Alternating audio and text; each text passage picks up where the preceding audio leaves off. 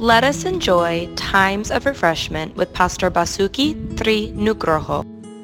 Shalom, Wahyu 4 ayat 8. Dan keempat makhluk itu masing-masing bersayap enam. Sekelilingnya dan di sebelah dalamnya penuh dengan mata, dan dengan tidak berhenti-hentinya, mereka berseru siang dan malam, Kudus, kudus, kuduslah Tuhan, yang maha kuasa, yang sudah ada dan yang ada, dan yang akan datang.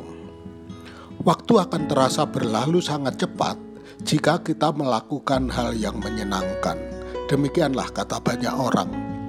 Perkataan ini telah memberi saya pemahaman baru tentang pemandangan yang digambarkan dalam Wahyu 4. Dulu, ketika saya memikirkan empat makhluk hidup yang duduk di sekitar tahta Tuhan, yang terus mengulangi kata-kata yang sama, saya berpikir betapa membosankan.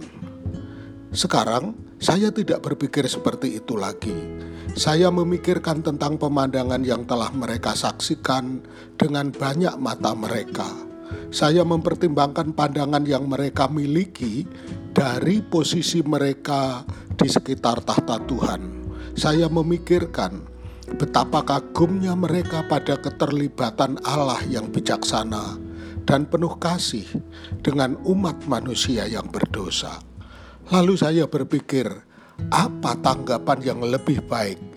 Apalagi yang bisa dikatakan selain kudus, kudus, kudus? Seperti keempat makhluk itu, kita dirancang untuk memuliakan Tuhan.